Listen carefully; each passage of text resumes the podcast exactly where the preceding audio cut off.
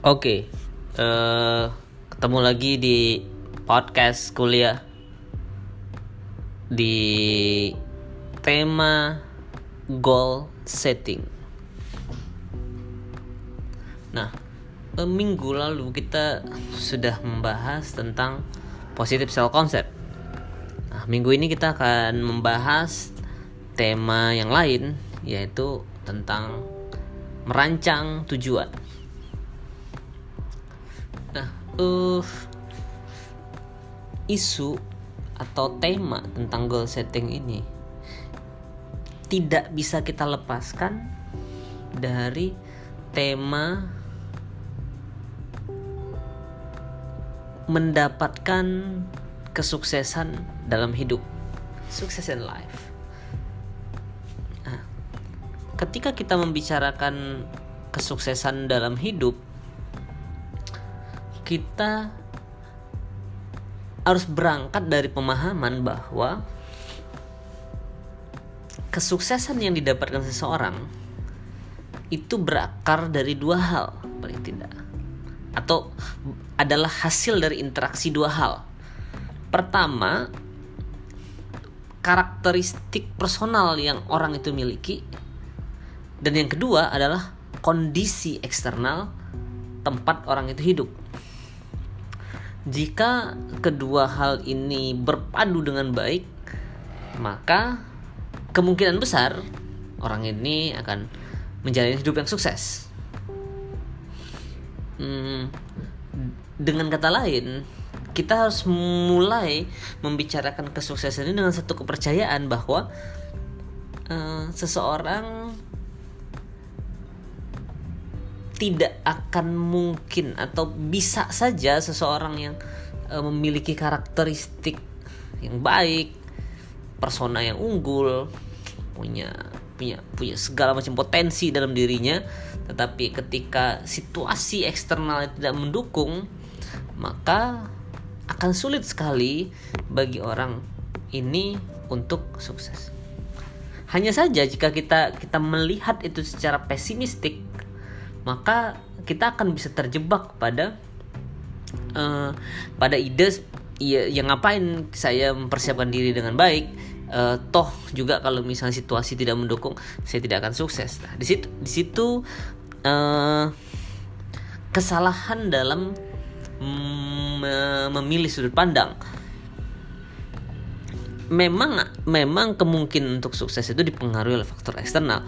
Tetapi jika kita fokus pada hal-hal yang tak bisa kita atur, tak bisa kita kontrol, tidak bisa kita rencanakan, maka kita jatuh pada jurang pasifisme atau mungkin nihilistik.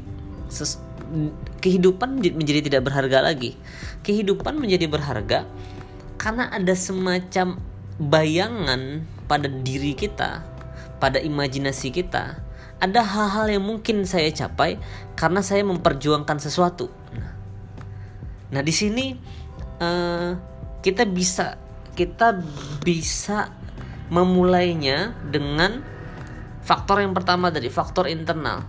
Apakah ada ciri-ciri khusus yang dimiliki oleh orang-orang yang sukses? Nah, gitu.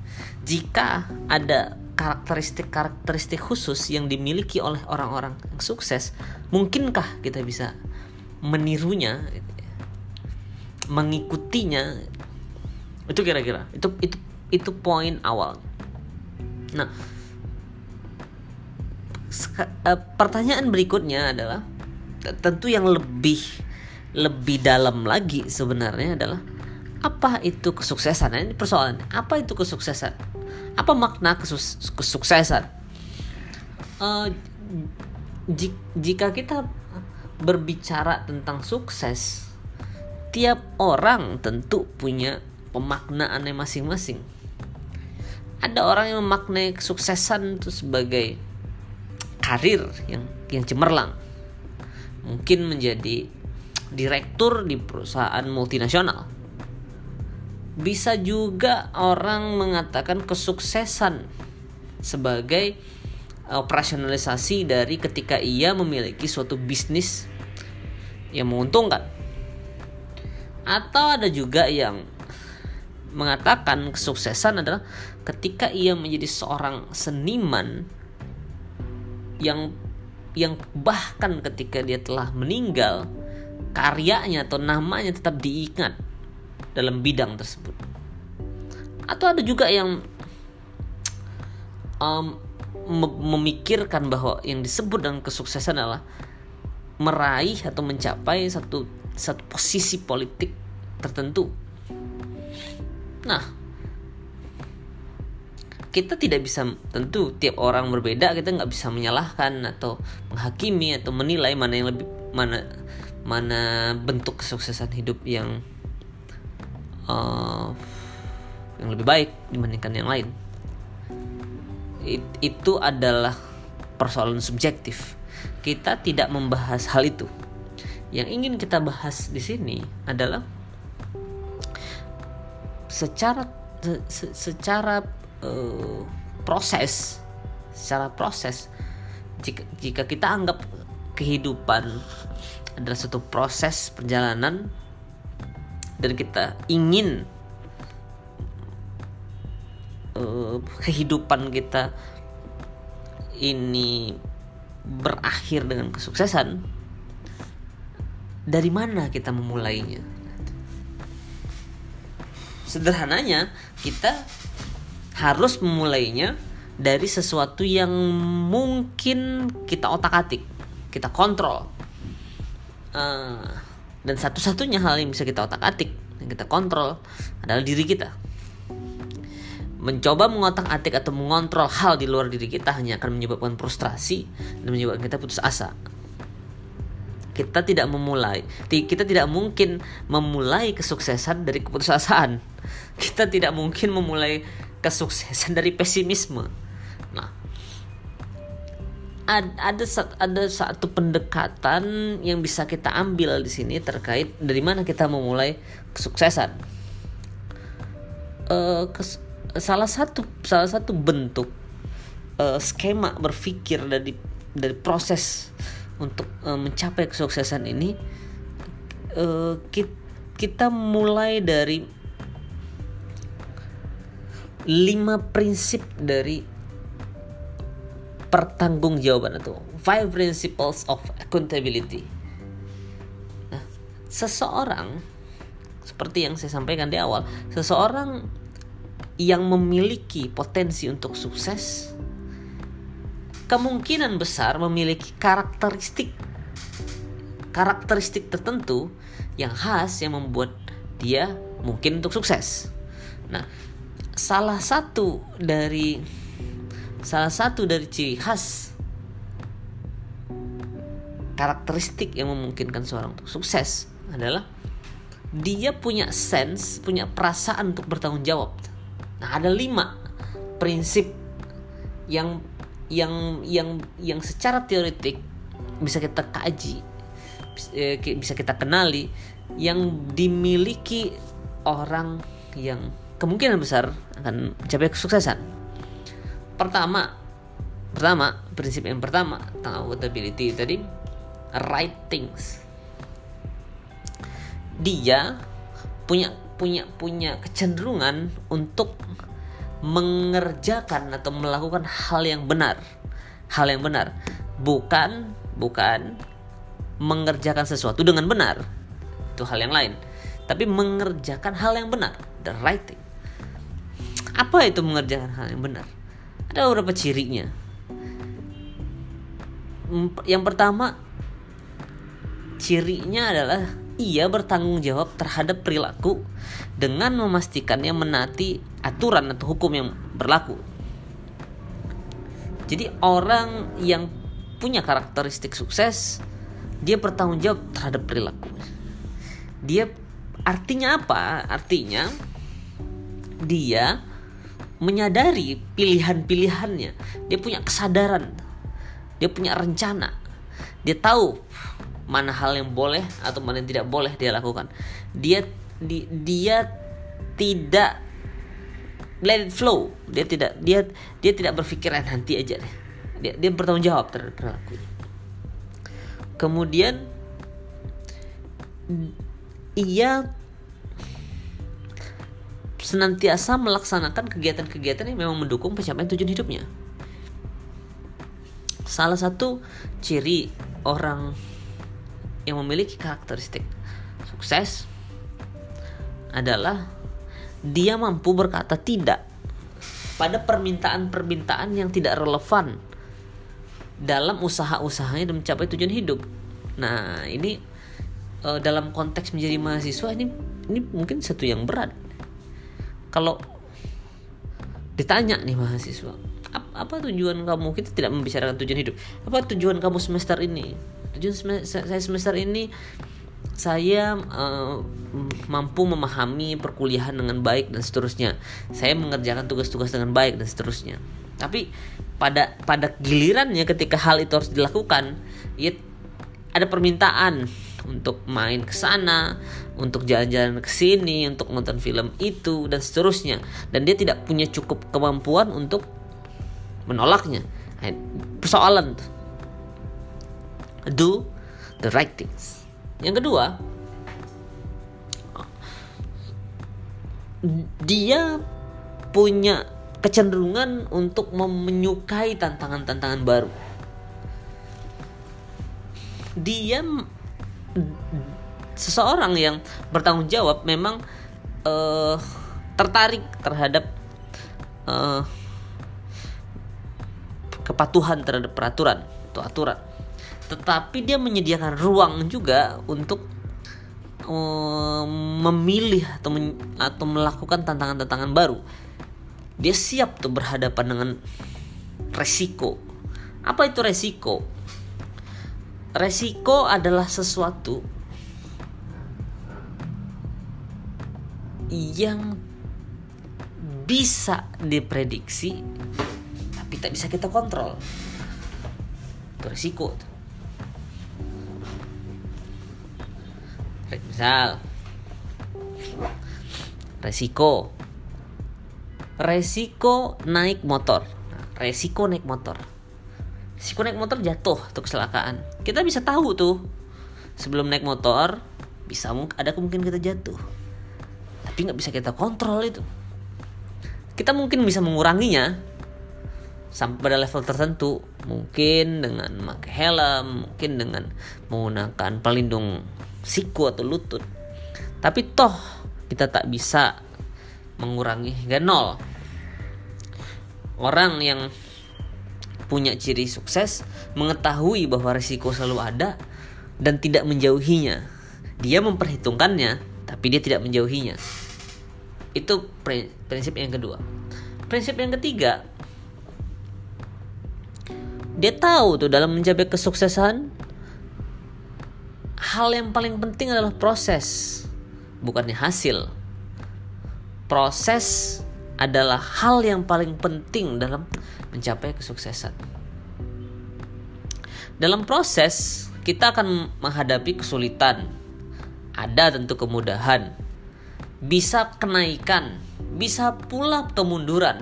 Tapi itu hal yang biasa saja. Orang yang paham bahwa hidup adalah proses, maka dia akan menjalani itu. Mungkin dia akan mencoba hal-hal baru, pendekatan-pendekatan lain, pendekatan-pendekatan yang kreatif untuk menyelesaikan masalah-masalahnya. Tapi dia tidak akan menyerah. Karena dia tahu untuk mencapai sesuatu memang ada harganya. Dia menghormati proses yang terjadi. Tidak ada chef hebat yang pernah ada di dunia kuliner sebelum dia menghabiskan jam-jamnya dalam mencoba satu makanan tertentu untuk dia masak dengan teknik yang berbagai macam sehingga dia tahu atau dia menemukan teknik seperti apa yang sempurna untuk memasak sesuatu. Bahkan bahkan untuk merebus telur ayam setengah matang seorang chef harus belajar berapa menit sebenarnya dia harus merebus apakah dia harus merebus telur ayam itu dari air itu belum belum belum belum panas? Atau ketika sudah mendidih baru masukkan? Dia akan mencoba itu terus menerus sehingga akhirnya dia menemukan. Menemukan hasil yang yang diharapkan. Dia puas dengan itu. Tapi proses itu, itu mahal. Butuh mungkin ratusan butir telur untuk mencobanya. Ratusan liter air untuk merebus. Mungkin puluhan atau bahkan ratusan jam untuk mencoba proses. Terus yang ke empat seseorang yang bertanggung jawab dia juga dan akan dan dia punya karakter untuk sukses dia bertanggung jawab terhadap semua harapan yang dia miliki harapan bagi orang yang punya karakteristik sukses adalah janji. Artinya dia akan berusaha untuk menepatinya. Kenapa janji? Harapan adalah janji terhadap diri sendiri. Jadi harapan kita untuk mencapai sesuatu itu adalah janji kita terhadap diri sendiri. Jadi ap apakah kita, apakah dia akan konsisten untuk menunaikan janjinya? Di situlah pertaruhannya. Orang yang sukses adalah orang yang memenuhi janjinya kepada dirinya sendiri. Orang yang tidak sukses belum apa-apa dia udah berhenti, nyerah. Toh tidak ada yang tahu, begitulah kira-kira dalam benaknya terakhir orang yang orang yang sukses dan memahami prinsip accountability dia akan melihat hubungan sosial sebagai bagian penting atau bagian integral dari pencapaian tujuan hidupnya. Tapi dia juga paham tuh ada hubungan-hubungan sosial yang merusak tujuannya dan ada hubungan-hubungan sosial yang mendukungnya. Dia paham siapa yang dia harus pertahankan hubungannya siapa yang harus dia minimalisasi atau bahkan diputus dia dia tidak punya kekhawatiran untuk memilih dan memilah hubungan sosial. Dia dia paham bahwa tiap orang punya punya tujuan masing-masing. Tidak semua orang bisa diajak kolaborasi. Tapi dia tahu uh, salah satu metode untuk berhubungan dengan orang lain adalah berkomunikasi, menyampaikan apa yang kau mau. Lima karakter tersebut merupakan fondasi untuk kemudian seseorang masuk ke uh, level berikutnya atau langkah berikutnya adalah, setting goal itu sendiri. Menentukan tujuan menentukan tujuan hidup berdasarkan waktu. Kita harus paham bahwa hidup kita itu punya batas. Hidup kita itu bukan unlimited hidup kita itu limit usia itu berbatas usia yang berbatas itulah yang membuat hidup kita berharga. Bayangkan kalau misalnya hidup kita nggak berbatas. Kita nggak tahu untuk apa kita menjalani. Mungkin kita bosan gitu. Karena tidak ada yang perlu kita kejar. Tidak ada tidak ada kekhawatiran. Karena hidup kita terbatas itulah. Hidup ini menjadi bernilai. Karena hidup ini bernilai maka layak kita perjuangkan kita layak hidupi untuk itu kita perlu untuk merancang tujuan apa yang ingin kita capai dalam hidup kita. Walaupun itu imajinatif karena bisa saja apa yang mau kita capai itu tidak tercapai. Tapi hal yang paling penting dari itu adalah hal yang ha, usaha-usaha kita mencapainya. Usaha-usaha terakhir setelah kita tahu tujuan tujuan hidup kita berdasarkan waktu yang kita tentukan kita harus memberikan perhatian terhadap tiga hal terhadap kebenaran terhadap rasa cinta kemudian juga terhadap power tiga hal inilah yang mungkin yang mungkin berpengaruh besar terhadap bagaimana kita melihat kesuksesan. Kesuksesan tanpa truth itu akan jadi kita akan menghalalkan segala cara. Kesuksesan tanpa love kita nggak akan peduli sama orang. Kesuksesan tanpa power kita akan naif menjadi orang yang naif kita kira kita kita tidak akan mempersoalkan bahwa kita sukses terserah deh orang-orang mau nggak sukses mau mati mau menderita dan seterusnya. Kita menjadi seorang yang egois. Jadi tiga hal ini perlu kita seimbangkan sehingga kesuksesan yang ingin kita capai itu adalah kesuksesan yang kira-kira uh, kesuksesan yang kesuksesan yang uh, tidak hanya membahagiakan, tidak hanya membahagiakan, tapi menjadi legacy, menjadi warisan buat orang-orang setelah kita. Saya kira itu uh, pembahasan kan pembahasan kita tentang goal setting kali ini. Terima kasih, sampai bertemu.